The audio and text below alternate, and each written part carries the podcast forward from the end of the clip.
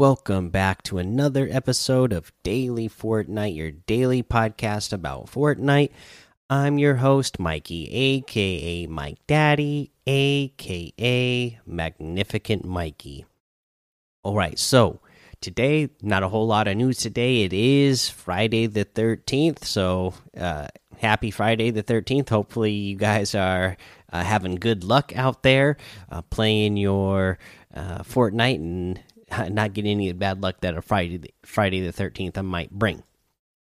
Uh, but since there's not really a whole lot of news, I'll, I'm gonna talk about creative a little bit. There's a cool Friday the Thirteenth themed uh, creative map that they promoted today called Scare the 13th.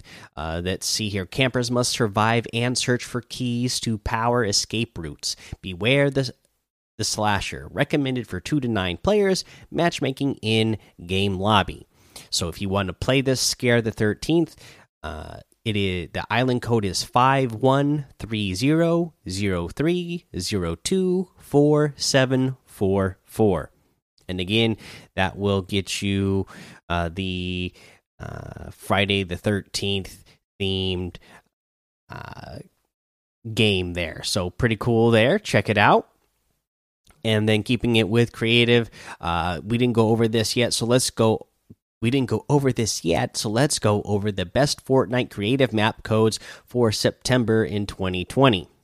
This was posted uh, on November 9th, and they say, "Hey, create, hey, Fortnite creative fans, we're celebrating another month of Fortnite creative with old favorites and new rising stars.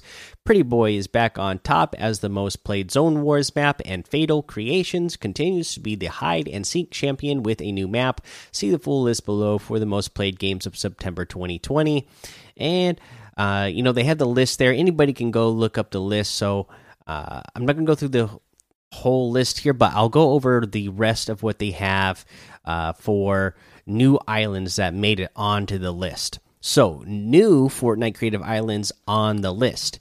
100 rooms, a twist on the death run genre. This map tests your parkour, exploration, and investigation skills.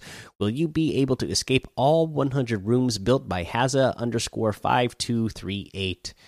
Uh, so, check that out. That sounds cool, actually. You know that there's somebody who went and made a hundred different rooms that you have to figure out how to escape from. Uh, sounds pretty cool. Prop hunt the residents. There are so many props to choose and places to hide in this extravagant manza, extravagant mansion built by JoJo's. And then they have Skaavok Aim Training Chapter Two, Hone your skills or challenge your friends in 14 different aim training courses built by downmosey underscore btw choose from a variety of different weapons and game modes to practice your precision reflexes and building skills. So those three are uh, new uh, new modes or games that uh, are the most played on the uh, creative list here. So obviously those are hot ones to play right now. So uh, go look up this list so you can find the codes for them and uh, get in there and try these out. Uh, again, you just you'll you'll find the uh, you'll find the codes if you go to you know epicgames.com fortnite you'll go to news and then click on that the best fortnite creative map codes for September 2020 uh, blog post that they have up there. Uh, and then you'll just see the list of codes they have there for all the most played uh, maps from 20 or from September. Now let's see here. Let's go ahead and uh, hit these challenges. Let's see here. What's one that we can do a tip for? You know, the catch a fish with a pro fishing rod. Uh, I think a good place to do this is again uh, the that island on the north end of the map. Okay, because uh, there's uh, a fishing a lot of fishing holes there and uh, if there's uh, barrels to get the fishing rods out of. And if you don't actually get any pro fishing rods, there's actually an upgrade station at the shack on the island. And the island I'm talking about, uh, if I didn't, uh, because I didn't say where it is, the island that's in D1. So that big island there, uh, that's got beach all the way around it in D1. Uh, the, if you land at the shack, the main building, the biggest building there, uh, there's a couple of barrels that have the fishing rods, and at the bottom of that uh, building, there is an upgrade station, so you can upgrade your uh, fishing rod to the pro fishing rod. And uh, that island always has like at least seven or eight uh, fishing holes around it, so you should be able to catch plenty of stuff around there. Uh, let's see here. let's go ahead and take a break. Okay, now let's go over today's item shop. And in the item shop today, uh, you will notice that all that Marvel stuff is still there. So you still got a chance to get all that. The Lachlan uh, stuff is still there as well. You also have the Tootsie Slide emote in here for 500 V Bucks. Uh, we have the Hush outfit with the black stripe back bling for 1,200 the Silent Strike Harvesting Tool for 500, the Weathered Black Wrap for 300. You have the Love Ranger outfit with the Love Wings back bling for 2000 and the Tat Axe Harvesting Tool for 800. Uh, you have Swift outfit with the Rat Lantern back bling for 1200, the Lucky Axes Harvesting Tool for 500, and the Ratty Wrap for 300.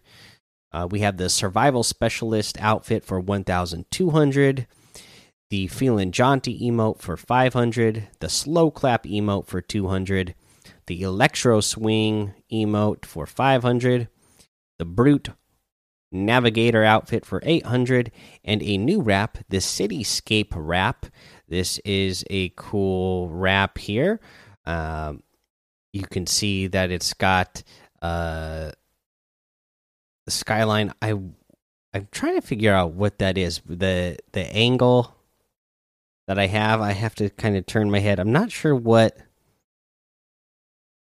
is that supposed to be lazy lake maybe at night with lights on i'm not sure but uh, it, it's a pretty cool uh, concept here where you have the night sky with the stars in it and the the you know the buildings giving the skyline there uh, the cityscape as it says. So uh, again that's 500 so pretty cool. You can get any and all of these items using code mike daddy m m m i k e d a d d y in the item shop and some of the proceeds will go to help support the show.